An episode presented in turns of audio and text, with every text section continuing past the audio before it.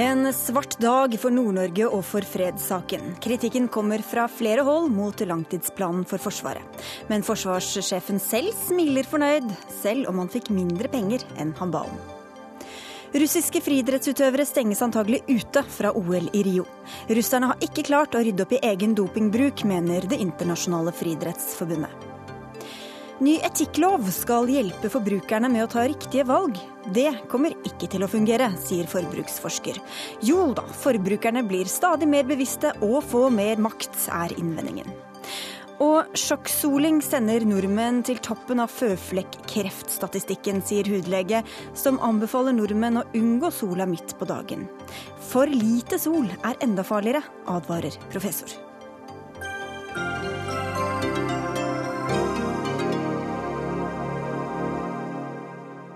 God kveld, her er Dagsnytt 18 med Sigrid Solund i studio. En svart dag for Nord-Norge, for lite satsing på Hæren og usikkerhet om finansieringa. Langtidsplanen for Forsvaret som regjeringa la fram i formiddag, er møtt med både ris, som vi refererte til her, og som vi skal komme tilbake til, og med ros bl.a. fra forsvarssjefen selv. 165 milliarder kroner i påplussinger de neste 20 årene ligger i forsvarspotten. Bakteppet er et nytt trusselbilde for Norge og Nato, der utviklinga i Russland og økt terrorfare er hovedutfordringene. Og da er svaret ditt å satse på ubåter og luftstyrke, forsvarsminister Ine Eriksen Søreide. Hvorfor mener dere at dette er riktig strategi? For det første så legger vi jo inn et historisk økonomisk løft for Forsvaret, og det er helt nødvendig for både å ta igjen etterslep på vedlikehold og drift som har bygd seg opp over mange år, og for å kunne satse på nye strategiske kapasiteter som vi trenger for å forsvare Norge, og for å være en troverdig og solid alliert i Nato. Så har vi vært veldig tydelige på at det skal skje i en tretrinnsrakett i den første fireårsperioden vi nå snakker om. Først så skal vi øke utholdenheten og tilgjengeligheten. Det betyr at det vi har skal virke. Vi skal fylle opp beredskapslagre, vi skal vedlikeholde, og vi skal sørge for at den strukturen vi har, kan operere. Og det er egentlig grunnmuren for at vi i neste trinn øker aktiviteten og tilstedeværelsen. Og veldig mye av den aktiviteten og tilstedeværelsen skjer jo i nord, og det kommer den til å fortsette å gjøre.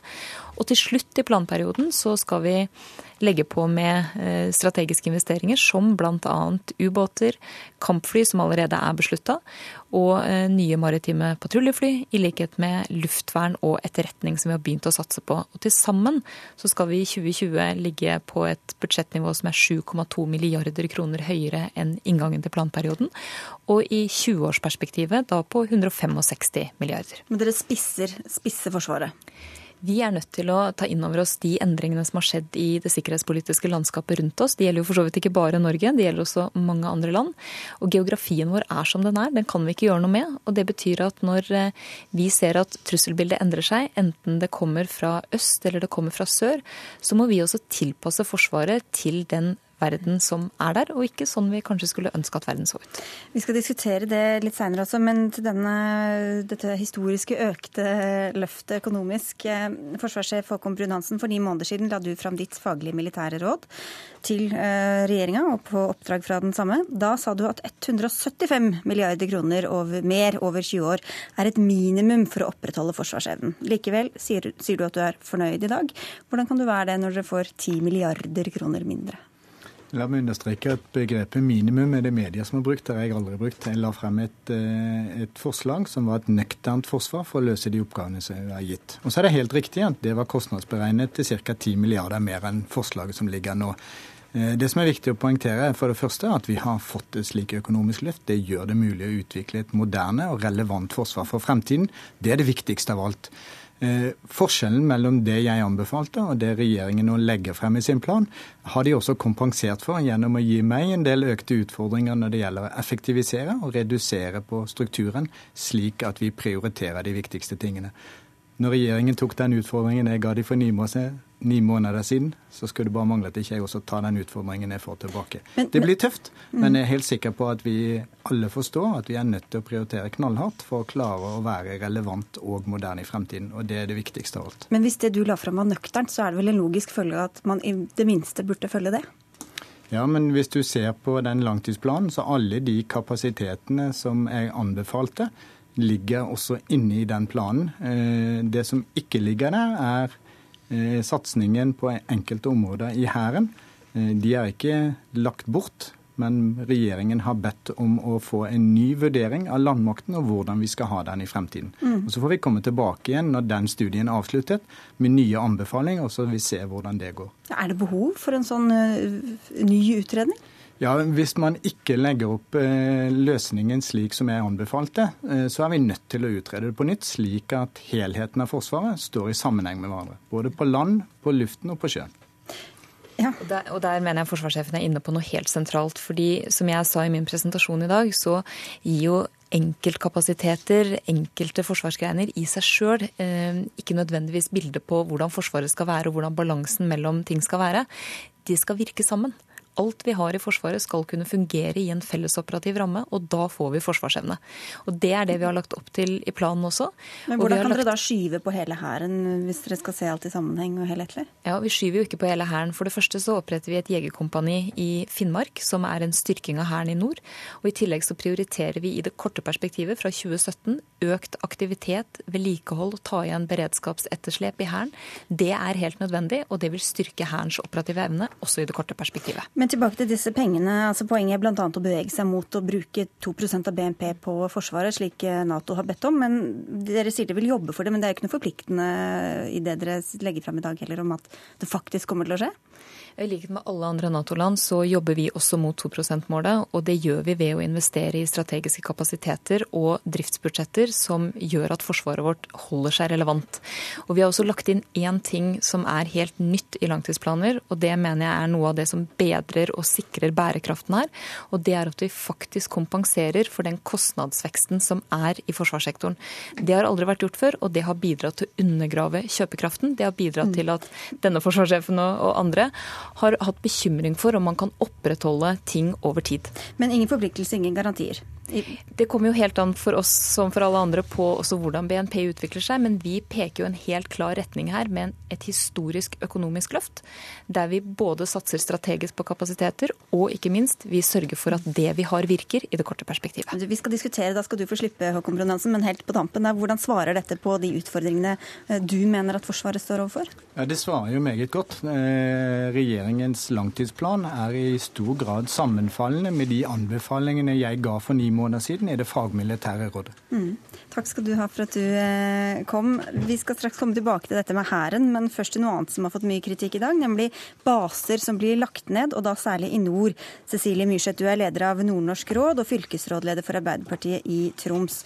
Og du er kritisk til dette forslaget og mener det er en svart dag for Nord-Norge. Hvorfor det? Nei, altså det, jo, det har vært sagt eh, flere ganger i dag at man har et eh, nytt eh, trusselbilde. Det snakka også statsministeren om, om, i dag.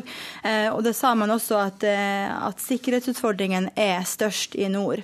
Da er det jo et paradoks at man med disse forslagene svekker forsvarsevnen i nord. Det er sånn at for få år siden, altså i 2012, bestemte man at hovedbase for helikopter bl.a. skulle ligge på Bardufoss. Da kom blant også statssekretær Øystein Bø opp og la ned grunnstein for det. Jeg lurer jo nå på om man har tenkt å hente den opp igjen. Eh, fordi i dag har man jo bestemt, i hvert fall fra regjeringas side, eh, at hovedbase for helikopter egentlig flyttes til Rygge. Og Rygge er jo en av de basene som tidligere har vært lagt ned som militær eh, flyplass. Og det er jo også et paradoks når man i dag har sagt at man skal ha færre baser, men det er altså én base som gjenoppstår fra Asken på bekostning av veldig mange andre, enten det er Indre Troms eller eller om det er Bodø. Derfor Søreide svare, altså En økt trussel i nord som du snakket mye om i dag. Hvordan er det å møte det å legge ned baser i nord? For det første har prinsippet vårt når det gjelder basestrukturen vært veldig klart. Vi skal ha baser som effektivt kan understøtte operasjoner i hele landet. Og det har vi ved at vi har fulgt forsvarssjefens fagmilitære råd, eh, bortsett fra på tre områder. Og en av dem er at vi opprettholder Sortland som kystvaktbase. Men det Cecilie Myrseth sier er jo rett og slett ikke riktig. Altså tyngdepunktet i Forsvaret flyttes nordover personellmessig aktivitetsmessig og investeringene i de nye strategiske kapasitetene skal alle driftes fra nord.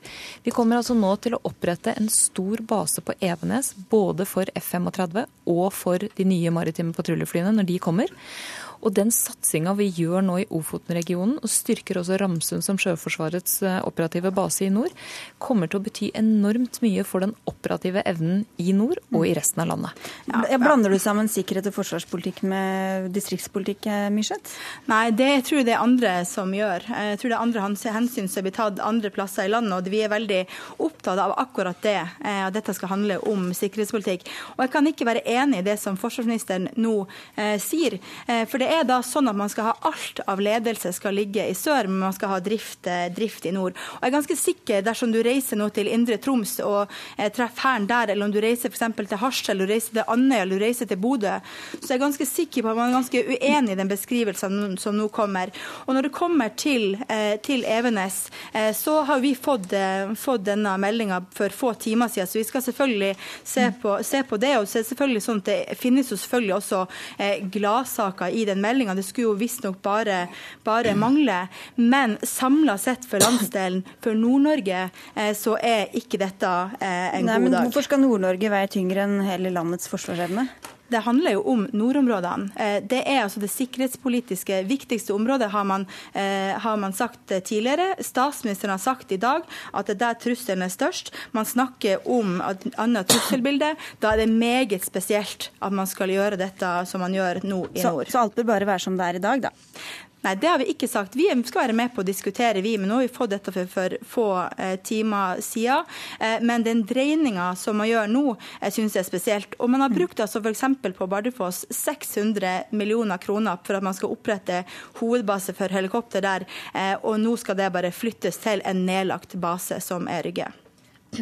Altså, jeg bare må gjenta det jeg sier. Jeg tror nok Cecilie Myrseth og andre kan ha godt av å lese langtidsplanen før de uttaler seg så bombastisk, fordi at tyngdepunktet flyttes nordover. Og det er pga. den geografiske beliggenheten Norge har. Det er pga. at Norge er Nato i nord og har et spesielt ansvar i nordområdene på vegne av alliansen. Og det er fordi at mange av de strategiske kapasitetene vi nå satser på, de kommer til å driftes og opereres i nord og fra nord. Men det er mindre spredt tilstedeværelse, da? Ja, og Hele poenget med det er jo at vi skal opprettholde et relevant forsvar der vi bruker mindre penger på kvadratmeter og mer penger på fly, seile, øve og trene. Og så er det helt tilfeldig at dere um, opprettholder, eller eh, starter denne basen på å flytte helikoptrene til Rygge etter å ha fått all kritikken eh, pga. Ryanair som flytter derfra? Ja, Det har jo ingenting med saken å gjøre, for dette er også det forsvarssjefen anbefalte i sitt fagmilitære råd. Det eneste, vi, det eneste vi gjør annerledes, er at vi venter til vi har annen helikopterkapasitet i nord som også kan bidra. Men dette er altså også for å styrke beredskapen i Norge. Vi dedikerer helikoptrene til spesialstyrkene fra ca. 2019, så de kan bistå i kontraterrorbekjempelse, og at de kan bistå beredskapstroppene i politiet. Og så er det dette med, Vi må også litt videre innom Hæren, som vi allerede har eh, annonsert. Eh, Liv Signe Navarsete, du eh, er utenriks- og forsvarspolitisk talsperson for Senterpartiet, og du er litt bekymra for hva som kommer til å skje med den? Ja, det er klart en blir det. Når regjeringa nå legger fram en investeringsplan for 52 fly, Slett nok seks skal bestemmes noe senere. Eh, de legger fram eh, for ubåter og andre kapasiteter, mens Hæren blir skyvd inn i en utredning som forsvarsministeren veldig godt kunne sett i gang før. Eh, hun har jo allerede utsatt langtidsplanen i mange måneder. Hun har hatt god tid og fått ei grundigere utgreiing av Hæren sine behov og hva innretning av Hæren hvis hun ønsker det. Så det er jo tydelig her at det ligger andre ting bak. At en ønsker å vedta investeringsplaner for fly, eh, for ubåter, mens den da ikke eh, har Hva mener du det ligger andre ting bak? Nei, Det kan være økonomiske hensyn, det kan være prioriteringer. For vi ser eh, i både forrige langtidsplan og denne, så, så står det ni punkt om hva Forsvaret sin oppgave er. Åtte av dem er nesten blåkopi av den forrige, men det første punktet er endra. I forrige langtidsplan sto det at, at Forsvaret skulle utgjøre en forebyggende terskel. Nå står det at Forsvaret skal sikre troverdig avskrekking. Vi får i dag et forsvar som er mer designa for utenlandsoperasjoner, mindre designa for forsvar av det norske territoriet og de behovene som vi har med våre store havområder og landområder i Norge. For der må vi òg ha et landforsvar. Vi må ha ett poeng til, og det er det fagmilitære rådet. For der sa forsvarssjefen at risikoen knytta til reduksjoner i landmilitær evne kan i liten grad kompenseres av Nato med mindre en skal stasjonere soldater på norsk jord. og Det vil være et brudd med Norge sin lang, veldig veldig lange historie på utenriks- og forsvarspolitikken. Det ligger andre ting bak, at dere skyver på hæren, hører vi Søreide? Jeg tror nok også Liv Signe Navarsete etter hvert når hun får lest langtidsplanen, vil se at en av de viktige tingene med den landmaktstudien er at alle pengene til investeringer i Hæren og landmakten, de ligger i planen. Det vi ønsker å vite mer om, er at vi bruker pengene på riktig måte, så vi sikrer en sterk og relevant landmakt. For det har Liv Signe Navarsete helt rett i. Det er viktig for forsvaret av Norge, sammen med andre kapasiteter. Men det har skjedd mye på veldig kort tid, bl.a. når det gjelder teknologisk utvikling og trusselbilde, som gjør at vi må se nøye på hvordan vi med landmakten vår kan både drive egenbeskyttelse Som dere ikke visste for et halvt år? Jo, men, men både kan drive egenbeskyttelse, mobilitet og også ha slagkraft. Blant annet så er trusselen fra langtrekkende missiler noe som gjør at vi må se dette her i en større helhet. Da velger vi i det korte perspektivet øke aktiviteten og driftsbudsjettene til Hæren, for det trenger de etter mange år bl.a. med Senterpartiet i regjering. Og så gjør vi investeringer og setter av penger til det. Men vi, må ta tak i akkurat dette med et eventuelt mer offensivt, som du kaller det, litt aggressivt eh, forsvar. Tuva Grimsgaard, du er informasjonsrådgiver i Norges fredsråd, som er en paraplyorganisasjon for alle fredsorganisasjonene i Norge. Dere sier at planen som blir lagt fram i dag, innebærer store skritt i en aggressiv retning. Hva innebærer det? Det er spesielt to punkt vi er veldig kritiske til i denne rapporten. Det ene er nettopp denne avskrekkingstankegangen som vi allerede har vært inne på, hvor vi legger opp til økt Nato-tilstedeværelse i nordområdene. Et mye mer spissa, offensivt og Nato-integrert forsvar enn det vi ser eh, allerede i dag. Dette er jo også en motarbeiding av den avspenningspolitikken og også de selvpålagte restriksjonene som har eh, råda i norsk politikk siden den kalde krigen.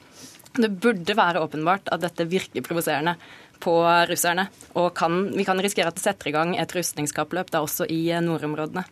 Samtidig som dette så blander vi oss også stadig oftere inn i konflikter på eksternt territorie, og da nettopp i Nato-regi, uten at den debatten også blir tatt i demokratiske fora. Og Vi spør oss jo da om vi virkelig ønsker et samfunn der hvor enkeltpersoner kan vedta at Norge skal blande seg inn i en konflikt på tekstmelding og telefon, sånn som vi så i forbindelse med f.eks. For eh, Libya-intervensjonen. Ja, det har vi diskutert et par ganger her også, men hvor Dette er jo med all ja. respekt eh, veldig tullete. For det første, Stortinget diskuterer og konsulteres om internasjonale oppdrag. Stortinget er, sist jeg sjekka, et demokratisk valgt organ.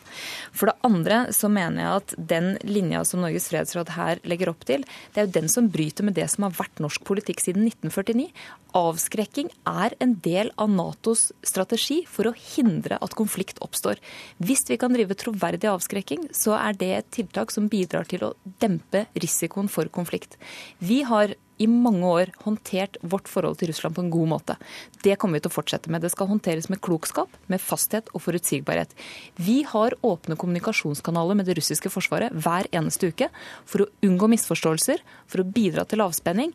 Men vi kan heller ikke se bort fra at det som skjer i Russland, med politisk ustabilitet, med betydelig opprustning av deres militære evne, og det at de også bruker militærmakten til å oppnå sine politiske mål Men er Forsvaret ikke bare lenger et forsvar, men mer et aggressivt forsvar, forsvar enn det vi har hatt for 15 år siden? Selvfølgelig må vi håndtere det trusselbildet som til enhver tid gjelder. Forsvaret er ikke mer aggressivt enn tidligere. Vårt primære mål er å forebygge og unngå å hindre konflikt. Men vi kan altså ikke lukke øynene for at verden ser annerledes ut i dag enn den gjorde etter den kalde krigen. Vi må ta konsekvensen av det. Det har direkte betydning for vår sikkerhet. Jeg vet at dere vil si noe begge to. Vi må slippe de han stakkars fjerdemannen her, en fredselskende mann, Kjell Ingolf Ropstad fra KrF. Blir det mer fred og forsoning og stabilitet i verden med dette forsvaret vi legger opp til nå, da? Ja, det håper jeg virkelig. Eh, men det er jo et tegn på at verden er i uro. Og det er, som forsvarsministeren sier, en verden i endring. Det er riktige grep til... som tas i dag, da? Ja, nå skal ikke jeg konkludere på, det, på, det, på totalen, men, men, langt på vei så syns vi at det er en riktig retning. fordi det som vi har sett på som utfordringer i det norske forsvaret, er at strukturen har ikke vært tilpassa det vi faktisk trenger. Et militær som øver godt, som trener godt, og som kan delta i internasjonale operasjoner når det trenger. Fordi Det som er viktig, er jo at vi har, sånn som Liv Signe Navarsete sier, et landforsvar som er godt nok. Derfor er vi urolig på den utskyvninga eh, gjennom den utredninga på, på Hæren og, og, Heimevernet. Fordi at vi er redd for at vi tar for stor investering på andre sektorer, og at en da har brukt opp pengene som kanskje vi ville ha investert større grad neste år. Men du må finne balansen der du både kan ha noe til å forsvare eget land, men så er vi totalt avhengig av at hvis det skulle skje noe, så må Nato komme. Og Hvis ikke vi som nasjon stiller opp for dem, så kan vi heller ikke forvente at de stiller opp for oss. Altså, Senterpartiet er veldig for uh, Nato, og at vi både skal bidra og motta hjelp. Men vi vet jo det at uh, å få hjelp på landstyrkene, uh, altså bakkestyrker, det tar lang tid. Luftforsvar kan ta raskt. Altså Fly de kommer fort. Skip kommer litt senere, men det kan jo ta veldig lang tid før en får bakkestyrker. Og det er jo den store utfordringen her. Uh, nettopp hvis en skulle komme i en situasjon der en trenger det, at, at en da ikke er mer offensive på Hæren og Heimevernet enn regjeringa er i dag, det er veldig skuffende. Men Hva vil du prioritere ned, da, hvis alt skal prioriteres opp? Ja, det skal vi komme tilbake til. Vi sier ikke at alt skal være som i dag. Det er ikke mulig, og det vet både Senterpartiet og alle andre. Så vi skal komme tilbake til Jeg har reist fra Kirkenes til Kjevik eh, i det året som er bak oss. Jeg har vært innom veldig mange Eh, av basene. Og jeg har fått mange tall framlagt. Vi skal se nøye på det som ja. ligger her på bordet. Så dere skal prioritere bare ikke sånn som regjeringa gjør? Vi skal, vi skal, prioritere et balansert forsvar, eh, som også forsvarssjefen var veldig opptatt av i sitt fagmilitære råd. Og da var vi alle forsvarsgreinene. For det er ikke nok å ha et sterkt luftforsvar. Vi må ha både eh, forsvar av landmakta, havområdet og luftrommet. Og de må samhandle. Og Da må det være en balanse mellom dem. Og så En liten kommentar til det statsråden sa om Stortinget og avgjør. Jeg tror vi må ha en debatt om hvordan vi tar avgjør når vi skal ha utenlandsoperasjoner. Men det kan vi ta i en annen debatt. Mm. For hvor demokratiske de avgjørelsesprosessene er i forhold til Stortinget, eh, det har jeg stilt spørsmål òg når vi sjøl satt i regjering, og det gjør jeg nå.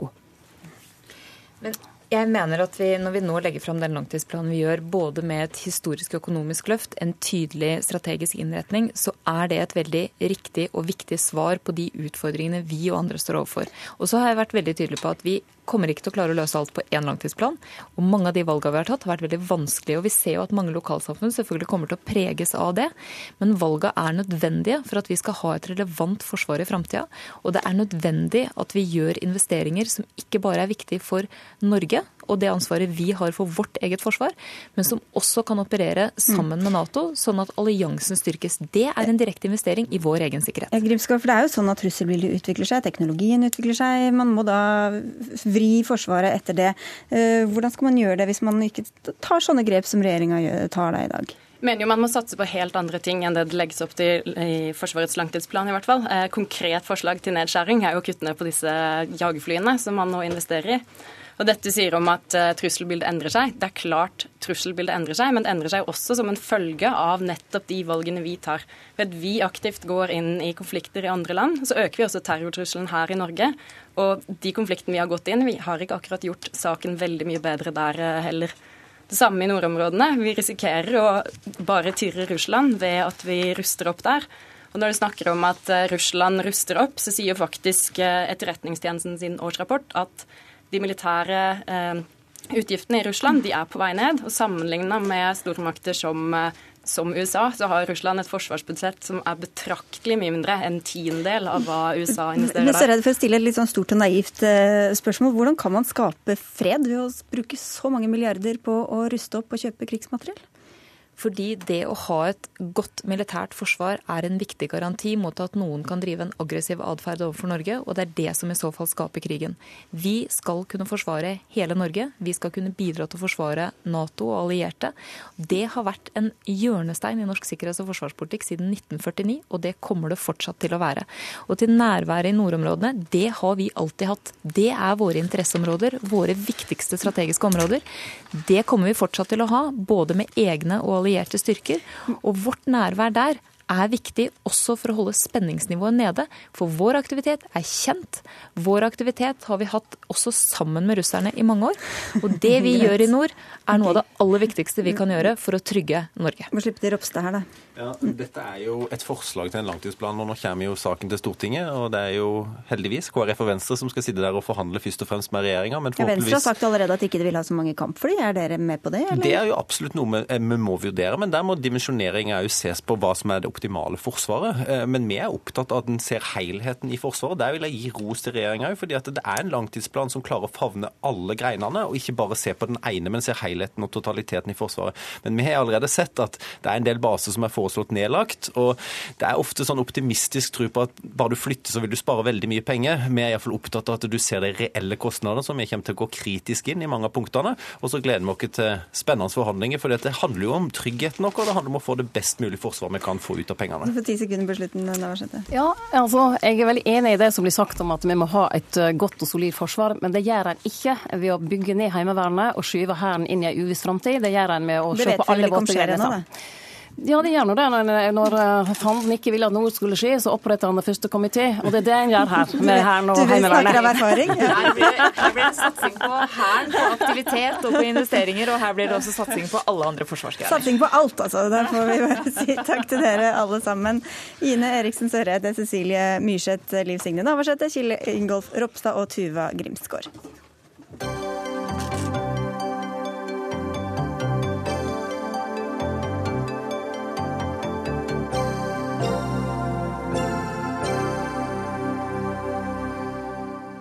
Akkurat nå det, holder Det internasjonale friidrettsforbundet en pressekonferanse i Wien der det blir konkludert med at russiske friidrettsutøvere ikke bør få lov til å delta i Rio-OL senere i sommer. Et uavhengig utvalg ledet av spesialrådgiver for Antidoping Norge, Rune Andersen, har sett på om russerne har klart å rydde opp i dopingproblemene sine. Vi skal høre litt av det som ble sagt i begynnelsen av pressekonferansen. Although there has been significant progress towards satisfaction of the verification criteria, several important verification criteria have not been fully satisfied. In particular, the deep seated culture of tolerance, or worse, for doping that got Rusev suspended in the first place appears not to have been changed materially to date. The head coach of the Russian athletic team and many of the athletes on that team appear unwilling to acknowledge the nature and extent of the doping problem in Russian athletics. And certain athletes and coaches appear willing to ignore the doping rules.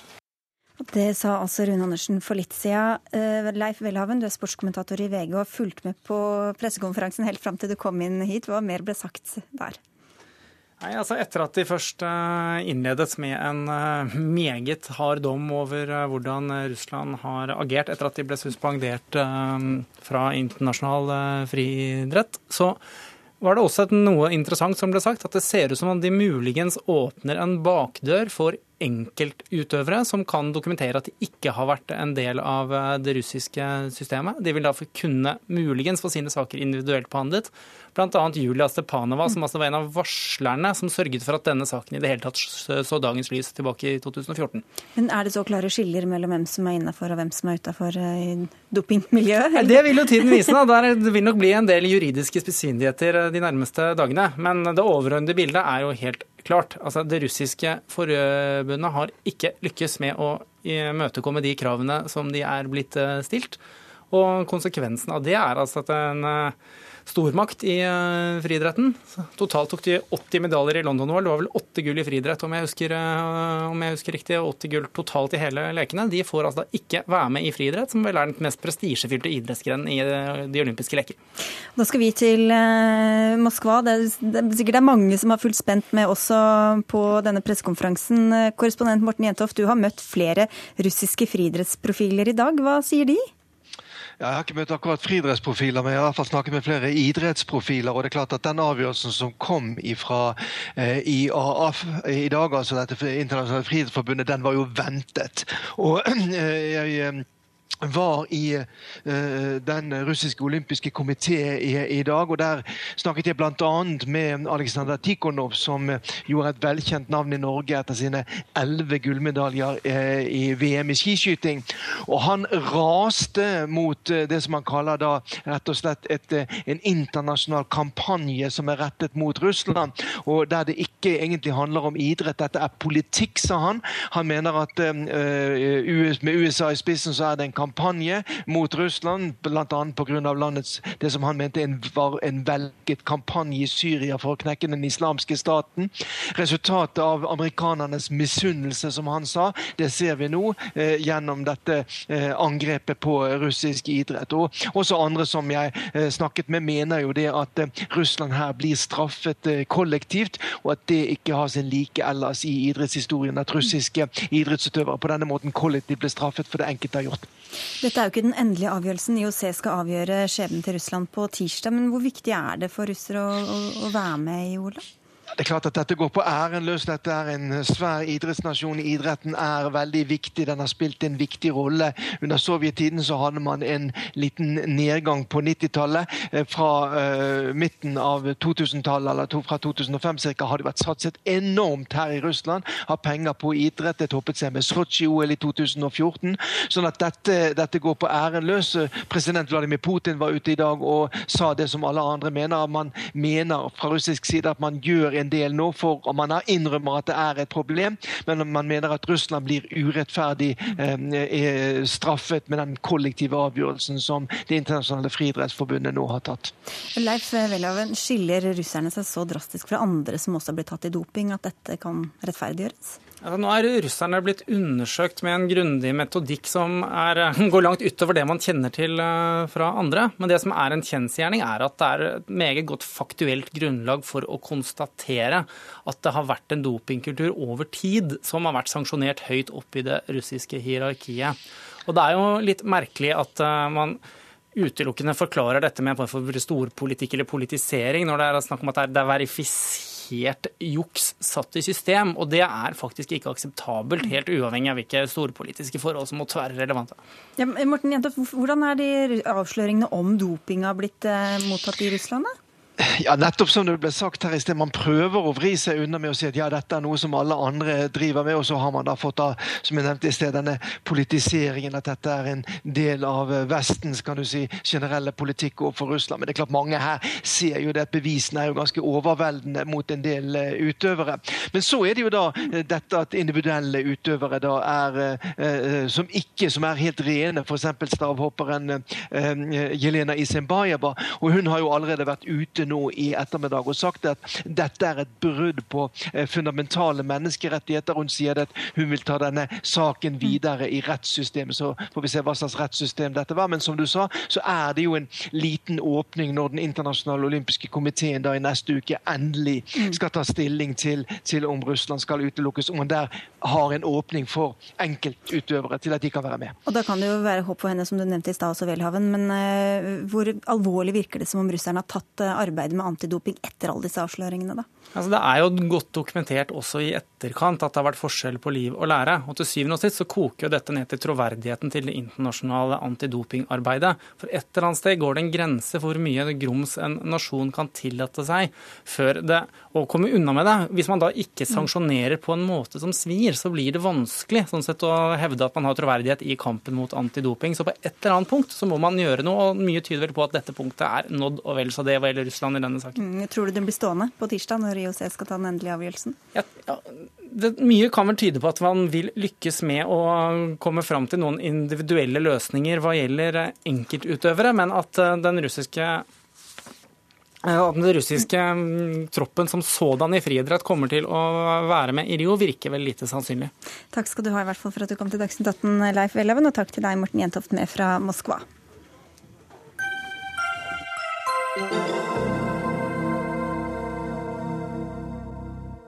Det er ikke vår oppgave å melde til politiet, hevdet predikantene i Tysfjord i forbindelse med alle overgrepssakene i kommunen som VG skrev om i helga. Selv om alle offentlig ansatte har en selvstendig plikt til å gi opplysninger til barnevernet når de mistenker at et barn blir utsatt for overgrep i hjemmet. Men en doktorgradsavhandling viser at lærere og prester har høyere terskel for å melde fra om overgrep enn det lovverket legger opp til. Det skriver du i VG i dag, Kjartan Ler Salvesen. Du er førsteamanuensis ved Høgskolen i Volda. Og hvordan føyer disse holdningene vi har hørt om fra Tysfjordpredikantene seg inn i et typisk holdningsmønster blant sånne grupper som jobber med barn? Jeg så flere av de samme mekanismene knytta til refleksjoner rundt ansvar, og det å plassere ansvar på noen andre, både i skolen og i kirken. I var det i kirken var det for stor, i stor grad knytta til, til taushetsplikten, og da ble ansvaret lagt på de som hadde problemene selv. Eh, I skolen var det enda større paralleller, syns jeg, til Tysfjord-saken, for da, da blir ansvaret i større grad lagt på, på rektor. Og Lærerne fortalte i intervjuer at rektor faktisk krevde at eh, saker skulle bli håndtert eh, tjenestevei. Mm. Dermed ble sakene løfta opp der, og lærerne ble på en måte fratatt, eh, fratatt det ansvaret for å håndtere sakene. Ofte kan det være en god ting å få kvalitetssikra beslutninger og drøfte vanskelige, vonde saker med, med, med, lederen sin, men det er også veldig mange fortellinger om saker som stoppet opp i systemet, at lærerne måtte mase, pushe og purre på rektor, og at rektor først tok tak når sakene ble virkelig akutte. Så lærerne jeg intervjuet, de var dypt bekymret for elever som ikke fikk hjelp eh, tidlig nok. Mm, fordi det stanser hos, eh, hos, rektor? Ja, det var dessverre en god del historier knytta til det. Det er faktisk flertallet av, lærerne er intervjuet. Trygve Beyer-Olsen, du er politisk rådgiver i Skolelederforbundet. Hvorfor tar ikke rektorene ansvaret sitt? Jeg tror at eh, rektorene tar ansvaret sitt. Det er naturlig at man har en tjenestevei. Og det er den måten vi sikrer at eh, disse krevende eh, sakene blir eh, behandla riktig. Hvorfor det? Hvorfor, hvorfor blir de behandla bedre hvis det går tjenestevei? Fordi rektor kan sitte på informasjon som er, er ja, som kanskje ikke læreren kjenner til. Men det vi tror er at dette er så krevende, det er vanskelige saker. Så lærerne, de, de i hvert fall sånn som jeg kjenner det til, personlige erfaringer, det er at de, de kommer til rektor og ber om hjelp og støtte, og den støtten det skal rektor gi. Så jeg kjenner mer til saker hvor lærerne kommer og spør om å få hjelp av rektor, mer enn at de er i konflikt og sånt. Jeg kjenner ikke så mye til at dette er en konfliktsak. Men her viser jo disse undersøkelsene at det da kan stoppe hos rektor, at det da skjer ingenting. Og så blir det vanskelig for de lærerne som da ikke tør å gå utenom tjenestevei og si fra selv. Ja, Da er, tenker jeg at det må være et systemsvikt som skoleeier, barnehageeier også for den saks skyld, er nødt til å ta litt tak i. Og det skyldes eh, ofte mangel på kjennskap til eh, lovverk og regler, taushetsplikt osv. Samtidig så vet vi, og vi er enig i det, vi er enig med kronikkforfatteren også, at eh, lærere ansatte i barnehager de har en selvstendig plikt som offentlig ansatt å melde til barnevern, politi osv. Men det må også da rektor, den regelen må også rektor kjenne til, at, å gi den opplysningen. Det kan jo skje at man er uenig. Og Da må jo også lærere kjenne til at det er plikten til til ja. å melde fra. Men rektor kan kanskje kjenne til uh, ha opplysninger som, som nyanserer bildet Ler Salvesen, sånn at det er lurt å gå til tjenestevei? I noen tilfeller kan det det. Eh, og jeg vil, jeg vil, også støtte det som blir sagt, at mange lærere ønsker hjelp og trenger hjelp i sånne saker. Både fordi de er krevende emosjonelt, de er krevende Eh, faglig, og, og, fordi at det å melde kan få konsekvenser i forhold til foreldrene. Men nå viser både min undersøkelse og så viser et titalls internasjonale studier at det å prinsipielt gå tjenestevei i sånne saker, det hever terskelen for å melde. Fordi at rektorer siler, eh, siler meldinger. Eh, fordi at det når flere kommer og vurderer en sak, så er det fleres usikkerhet som spiller inn. Dessuten er det både i min forskning og i internasjonale studier en del eksempler på Eh, rektor som ønsker å framstille stolen i et positivt lys, bevisst ønsker færre meldinger fra sin skole enn nabostolen, og også dukker unna konfrontasjoner fra foreldre. Så det er en del ting. Og i tillegg vil jeg si at lærer, læreren kjenner elevene best og ser de små signalene over lang tid. Og det å gå opp i skolens hierarki og forankre beslutningen skal det meldes eller ikke meldes hos rektor, All, all, forskning tyder på at eh, da blir det meldt mindre fra stolen. Og, og, i utgangspunktet så vil jeg påstå den underrapporteringen fra stolen. Det tyder også min undersøkelse på. Ja, og Lojaliteten bør vel ligge hos disse barna, og ikke hos om man skal liksom ta hensyn til rektor eller de andre lærerne? Nei, hva det, som helst. det er jeg helt enig i. Og, og det vi tenker på er jo at du, du skal vite hvorfor du jobber i skolen. Du jobber ikke der for din egen del, du jobber der for barna. Det gjelder rektor, det gjelder eh, lærere i barnehagen, er det lederne og de ansatte. Så eh, jeg tror at men du tror og mener og, ja. og, altså hvor, hvor, godt har dere satt dere inn i hvordan dette faktisk er, bl.a. gjennom da denne doktorgradsavhandlingen? Vi har ikke lest eh, annet enn det som stått i VG i dag. Men eh, det vi baserer oss på, er jo kjennskapen til, til skolen gjennom våre medlemmer. altså fra deres rektorer? Ja, fra våre rektorer. Men det er vel kanskje naturlig at ikke de melder inn at folk ikke tør å si fra til dem, eller at det stopper hos dem? Jeg kjenner ikke den, den, siden av saken. Nå har jeg vært rektor i 13 år, og, og jeg kjenner mange mange rektorer. og vi... Eh, nei, det er, det er, en beskrivelse som vi har hørt om noe, men ikke, det, det, er ikke den uh, siden vi kjenner fra Skolelederforbundet. Men Hvor mye har dere gått inn i denne under, altså undersøkelser og forskning som han viser til, for å sikre at det faktisk er barnas beste som blir ivaretatt her? Vi har ikke lest uh, annet som sagt enn den, den som sto i VG i dag. og det, det Så vi har ikke noe annen, Nei, men har dere et, Føler dere et ansvar for å gå inn i og finne ut av hvordan dette faktisk er, da, så dere kan eventuelt endre praksis? Hvis det er behov for å endre praksis, er det noe som skoleeier og, og skoleledere og barnehageeiere og barnehageledere sammen vil gjøre. Og det ligger på et lokalt plan, hvor skoleeier, altså kommuner veldig ofte, er ansvarlig for å få til de rutinene. Og det gjør vi sammen med dem. Og jeg tror at vi heller skal se på altså, Det trengs mot og kraft fra lærere, fra barnehageansatte og, og ledere i å stå i denne krevende situasjonen. og Istedenfor å si at vi slåss mot hverandre, så sier vi hva kan vi gjøre for at vi skal stå sammen for å få til det, det her. Og de rutinene er helt nødvendige for at vi skal eh, få det til, og det er ledere og lærere som gjør sammen. Men er, Hvor representativ er denne forskninga? Hvor, hvordan vet vi at dette faktisk er et problem på mange skoler? Jeg har 100 eh, informanter på denne undersøkelsen, her, og så har jeg sammenligna med veldig mye internasjonal forskning også. Jeg foretok tilfeldig utvalg til undersøkelsen. Så jeg har et ganske bra grunnlag for, for, det, for det, jeg sier. Og jeg har en del, eh, en del eksempler, informantutsagn, som, som, går litt imot det bildet som blir, blir tegna her også. Jeg har eh, jeg har lærere som forteller om både formelle og uformelle sanksjoner. Hvis de kontakter hjelpeapparatet direkte, så hadde de blitt kalt inn på teppet til rektor. Mm. I utgangspunktet så tenker jeg det beste er om, er om læreren kan få støtte av rektor og ledelse til å håndtere disse sakene. Det, det mener jeg det klart beste gir de beste beslutningene. Så det viktige er å få på plass gode rutiner og god nok kunnskap når det er sprik mellom hva lærer og, og leder mener. Og det er det jeg ønsker å problematisere. Da, du nikker, Berholsen, men Hvordan skal vi stole på at dere faktisk tar tak i dette her, når du på en måte avviser hele problemstillingen og heller ikke oppsøker den forskningen som finnes? Eh, det er ikke sagt at vi er avviser, vi er helt enig at eh, der hvor det svikter, der skal det tas tak. Men ikke i virkelighetsbeskrivelsen som dette eh, undersøkelsen altså, Jeg kjenner ikke til det. Nå skal vi sette oss inn og lese det som står der. Så, så det, men den erfaringen vi har er ikke helt i tråd med det han sier. Men vi avviser ikke på noen som helst måte. Og vi er helt enig med det siste som kronikkforfatterne sier her, sånn at vi må få til et samarbeid som sørger for at disse barna får den hjelpa de skal ha. Det er vi ikke uenige om. Jeg ser fram til en dialog som er basert på kunnskapen i, i, i, disse sakene. Det er veldig Dere får utveksle e-postadresser og telefonnumre. Vi må bare nevne for ordens skyld at det ikke har lyktes oss å komme i kontakt med den læstadianske forsamlingen i Tysfjord i dag, som jo er utgangspunktet for denne diskusjonen. Men tusen takk skal dere ha i hvert fall for at dere kom, Trygve Beyer-Olsen fra Skolelederforbundet og Kjartan Ler Salvesen fra Høgskolen i Volda.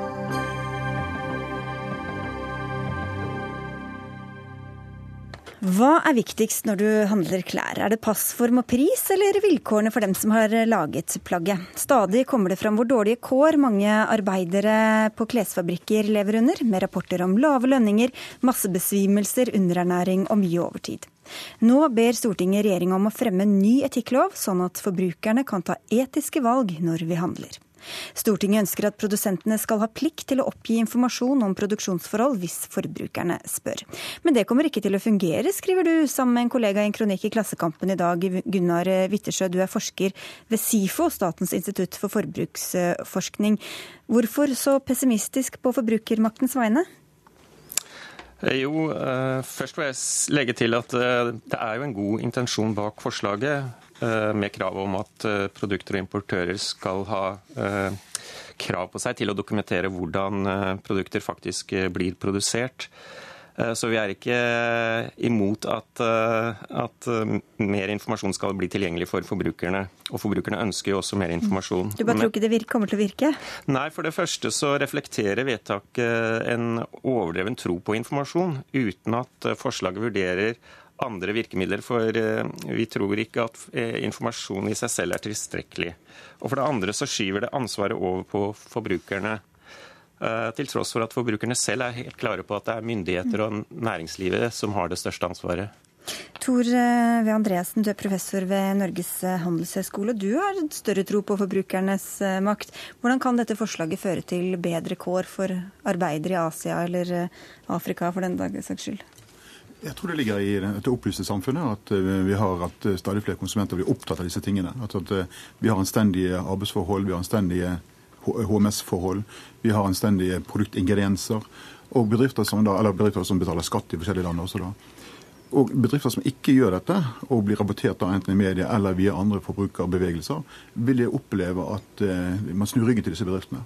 Og Det er da jeg mener at det beste straffevåpenet bedriftene står overfor, er nettopp når kunder, og konsumenter, snur ryggen til dem. Og Det har vi sett masse eksempler på. Derfor er jeg litt, sånn, eh, litt eh, tvilende på at man skal dytte det tilbake til bedriftenes ansvar. Jeg tror det ligger veldig mye makt i, i konsumentenes hender. Men hvor, eh, hvor, altså Forslaget legger opp til at forbrukerne selv må etterspørre denne informasjonen. Hvor sannsynlig er det at de kommer til å gjøre det når de står der i salg og fristende varer overalt, og da begynner å spørre om arbeidsforholdene for den som har laget det i Kambodsja? Mm. Det høres veldig idealistisk ut, altså, men her vil det være at selvfølgelig noen tilfeller vil gå under radaren, ikke bli, bli, plukket opp. Men så vil det være noe som plutselig får medias oppmerksomhet, eller det plutselig får forbrukerbevegelsers oppmerksomhet. Og De sakene vil da komme til overflaten, og det vil da få en veldig sånn respons blant det. Og da får publikum opp øynene. Så det var på den måten palmeoljesaken kom opp i, opp i, verden. Det var på den måten Starbucks skattesaker kom opp i, i England. Mm. Det var på den måten blyinnholdet, altså kvikksølvinnholdet i Apple sine mobiler kom opp av radaren. ikke sant? Og da ser du med en gang at når da konsumentene snur ryggen, så begynner aktøren å reagere. Og det her kommer dere inn, Karin Lefler. Du er eh, fagrådgiver i Framtiden i våre hender, og dere har jobbet for mer åpenhet og for en sånn lov. Hva gjør denne, dette lovforslaget, eller det som skal komme, da, med deres mulighet til å sette sånne ting på dagsordenen og skape kampanjer overfor forbrukerne? De vil kunne gi veldig store muligheter. Det ene er jo selvfølgelig at forbrukerne på eget initiativ da, kan, eh, kan hevne seg til bedrifter, eh, f.eks. hvis de skal kjøpe en mobiltelefon. Det er jo ikke alle som eh, kjøper ting akkurat i øyeblikket, men som vurderer ulike alternativer. Så det er jo én måte som forbrukerne i seg selv kan, kan benytte dette, denne mulige loven på. Framtiden våre hender og andre organisasjoner kan helt konkret f.eks. Eh, plukke ut jeans eh, fra tre, ti ulike selskaper og sammenligne, gå til selskapene og spørre eh, hvordan, hvor de er produsert og under hvilke forhold. Og på en så måte eh, f.eks. lage en artikkel eller gå til media med de svarene som vi får. Og Da er det selvfølgelig veldig mange som får ta del av den informasjonen. Og det legger et klart forbrukerpress på mm. selskapene. Som vi så altså, i palmeoljesaken som ble nevnt her, eh, Wittersjø, altså, som, hvor det har vært en formidabel nedgang i palmeoljebruken eh, både hos norske butikker og produsenter. Hvorfor er ikke det et godt bevis på den makten forbrukerne kan ha? Eh, jo, det er et eksempel. Jeg vil ikke kalle det et bevis på forbrukermakt, men det er et mm. eksempel på at eh, forbrukermakt av og til eh, kan ha en effekt. Men eh, du skal huske på at det er en avgrensa effekt i Norge. Så vidt jeg vet, så har det ikke fått sånn store konsekvenser på andre internasjonale markeder. Da har jeg et annet eksempel, når vi først skal komme inn på eksempler, og kanskje ikke så mye beviser mm. på dette, så, så eh, er et annet eksempel som kanskje er en annen type virkemidler, som i større grad er rettet mot eh, produsenter. Fordi jeg mener at forbrukerinformasjon er å snu ansvaret litt på hodet. Men forbudet mot Eh, ozonnedbrytende stoffer som ble fremmet eh, og som ble eh, iverksatt på bakgrunn av en internasjonal avtale, mm. hvor man forbød bruk av ozonnedbrytende stoffer i kjøleskap, frysebokser og andre kuldemøbler. Det fikk nesten umiddelbar effekt internasjonalt. Så det, tenker jeg er kanskje eh, Informasjon i seg selv er ikke tilstrekkelig, det må også andre mm. virkemidler til. Ja, for Vi hører jo stadig om ting vi vet at vi ikke burde kjøpe med mikroplast og det ene og det andre. Hvorfor ikke heller forby det, som vel også mange ønsker å gjøre, i stedet for å overlate alt til eh, oss stakkars forbrukere? Det kan man si. Jeg mener jo at man skal, Kan man unngå liksom forby eller med lover og regler, og heller appellere til normer i samfunnet? altså som, som, vi helt klart ser nå, altså at eh, Man arbeider på det forebyggende plan altså ved å få opp holdninger til forskjellige eh, etiske atferd i markedet. Um, og Vi ser også at utdanningsnivået i samfunnet stiger, slik at folks evne til å ta inn over seg informasjon og prosessere den og agere rasjonelt i forhold til det, stiger dramatisk. Mm. altså det også. Så, så jeg er liksom litt, Dette er jo litt sånn politisk, altså, men jeg personlig er tilbakeholden og mener at det ligger mye makt i hendene på forbrukere. Så har det vel også vært en debatt om det er best å ikke kjøpe disse plaggene, eller om de tross alt lever bedre med å ha arbeid selv om det er dårlig betalt. Eh, Lefler. Man kan jo trekke paralleller til palmeolje. at Alternativene er kanskje ikke nødvendigvis så mye bedre enn den palmeoljen vi nå erstatter. Hvor godt egnet er vi forbrukere til å liksom, ta stilling i sånne komplekse saker som det faktisk er? Eh, det er mange saker som er komplekse, men jeg er helt sikker på at jo mer bevisste forbrukerne er, og jo mer informasjon forbrukerne får, eh, jo bedre valg vil de ta, og dermed stå rustet til å eh, legge press på de som faktisk har ansvaret, dvs. Si, kleskjeder og andre som importerer varer til Norge. Men Kan vi ende opp med masse symbolpolitikk? At disse, dette vil vi ikke ha, mens dette vil vi ha fordi det ene liksom høres skumlere ut enn det andre? Nei, jeg tror, eh, jeg tror at de selskapene som eh, kan egentlig vise til minst fremskritt, og som egentlig kan tilby de dårligste svarene, eh, det er som Andreas sier, at, at, de vil tape i det mm. lange løpet. Og dette er jo en, en, lov som kanskje først og fremst vil ramme de som faktisk ikke gjør så mye i dag. Tror du Wittersjø, at vi er smarte nok til å skjønne akkurat hva vi skal legge unna og hva vi skal gå for? Vi er smarte det, eh, vi skal ikke undervurdere Du vil ikke fornærme noen her? Nei, altså, slett ikke forbrukerne. Men man skal huske på det at én ting er hva vi eh, vet og kan. En annen ting er om vi faktisk har noe reelt valg når vi står i butikken og skal velge mellom produkter. Eh, og, og, til tross for en miljøinformasjon som har eh, virket i mer enn ti år, så har vi ikke sett noen store endringer i forbrukeratferd på dette området. Du skal få avslutte, Andresen. Jeg mener at stadig flere er opptatt av disse tingene her, og liksom de virkelig ser på hva produktene består av, hvilken altså komposisjon de har, altså da, hvilke forhold man arbeider under osv. Vi har jo sett også da Hennes og Maurits som da ble tatt på billige produkter, dårlige arbeidskontrakter. Men det siste våpenet som vi nå har brakt, som er en måte det som er atomvåpen i hendene på konsumenter, er jo sosiale medier. Mm. Så at hva bedriftene gjør liksom da i, i Langtvekkistan, plutselig er over hele verden. For de rapporterer som en bølge, og dermed så begynner man å, å, agere mot dem før det kommer til de kommende markedene. Så kom, får vi altså vente på hva regjeringa kommer fram til. Tusen takk skal dere ha for denne runden. Tor Andreassen fra NHH, Karin Lefli fra Framtiden i våre hender og Gunnar Wittersjø fra SIFO. Takk.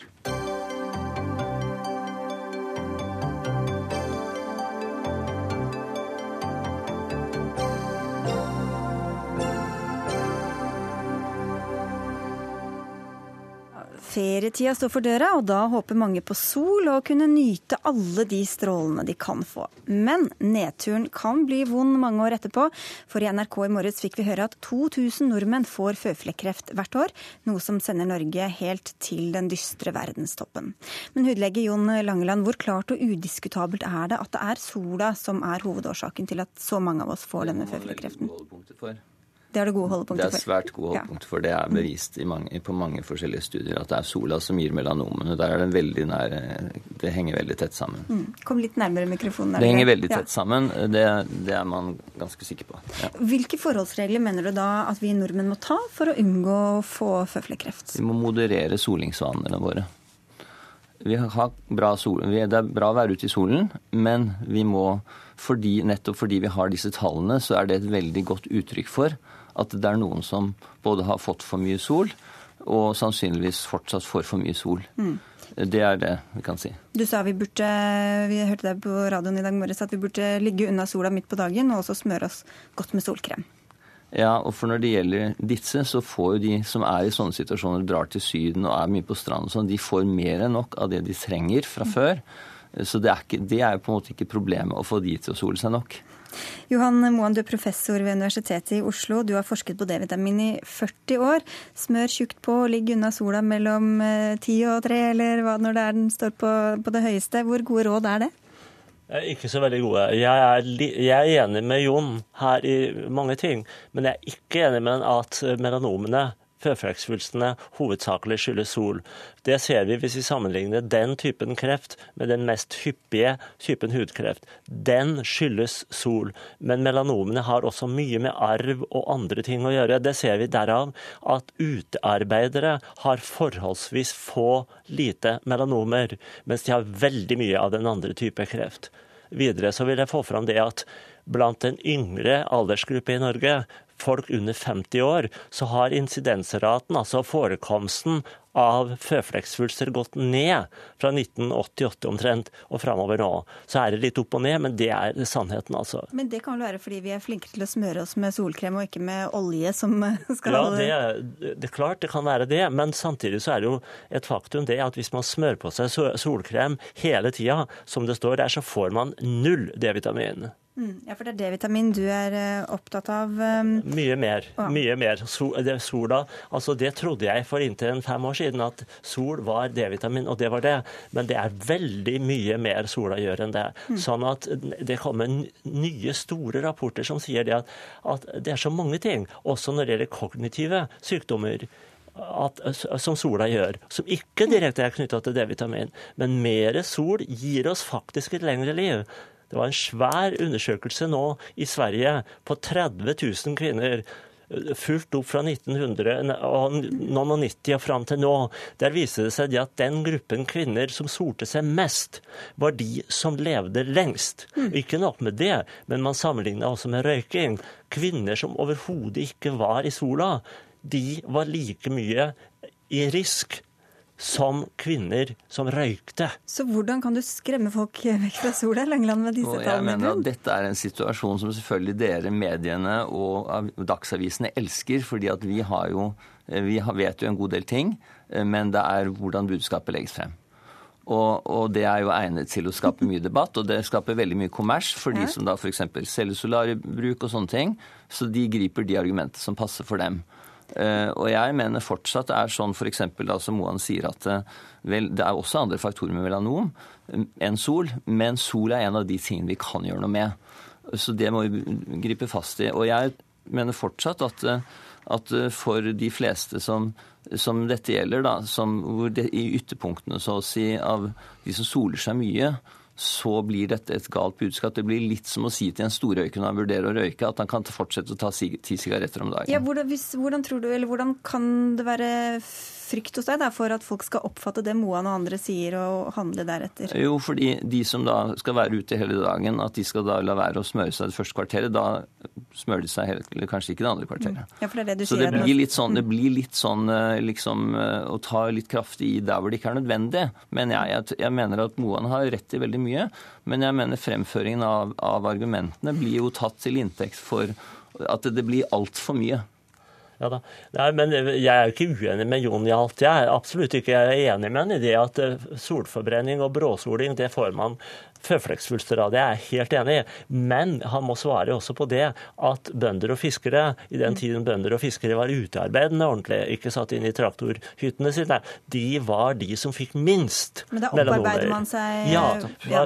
man får tåle mer etter hvert som tida går. Man tåler mer f.eks. om høsten enn om våren mm. osv. Så, videre. så lenge man ikke solbrenner seg, så er sol veldig bra. Og beviset for det, jeg har knallsterkt bevis for det, det er at huden til menneskene ble lys når de vandra nordover fra Afrika. Men, men, er du like redd for at folk skal følge rådene fra din motdebattant her og fra helsemyndighetene som han er, eh, for at folk skal liksom mistolke og følge dine råd? Nei, overhodet ikke redd for Jon. Han er en klok og fornuftig mann. Han, han men, sier sikkert ting hvor, hvor, kloke vi mennesker er da, når vi hører det ene og det andre og blir helt forvirret om hva vi skal ja, gjøre. Saken er jo den, Man skal ikke overdrive verken det ene eller det andre. Jeg sier jo heller ikke at man skal overdrive soling, men jeg sier at man skal ikke være redd å sole seg litt. Og jeg sier også det at D-vitamin får man mest midt på dagen, sier jeg. Litt midt på dagen, så smører man på seg solkrem. Ja, et kvarter midt på dagen uten yes. solkrem, og så Det sier jeg, ja. Mm. Men da er du redd de glemmer det etter Ja, det tror jeg kanskje. Men, men ellers så er jo Så vi er jo i utgangspunktet ikke veldig uenige, men vi har eh, litt måte, kanskje forskjellige måter å fremføre det på. Uh, og, og, det er også riktig det, ikke sant, da vi kom kanskje fra Kenya eller noe sånt, og så ble jo de som overlevde, det var de som ble lyse i huden. Ikke sant? Sånn at det er en eller annen grunn. sånn at eh, vi er jo blitt sånn, evolusjonsmessig. Ja. Men også noen av de effektene han snakker om, de går f.eks. gjennom øynene. Ja. Og, og, huden er ikke lagd sånn. Jeg er jo hudlege. Den tåler ikke 100 år med dette her. Eh, så man ser helt forferdelig ut på slutten, da. Hvis man, hvis man gjør dette ja, ja. veldig mye. Men man blir veldig glad og sunn, da, men litt rynkete.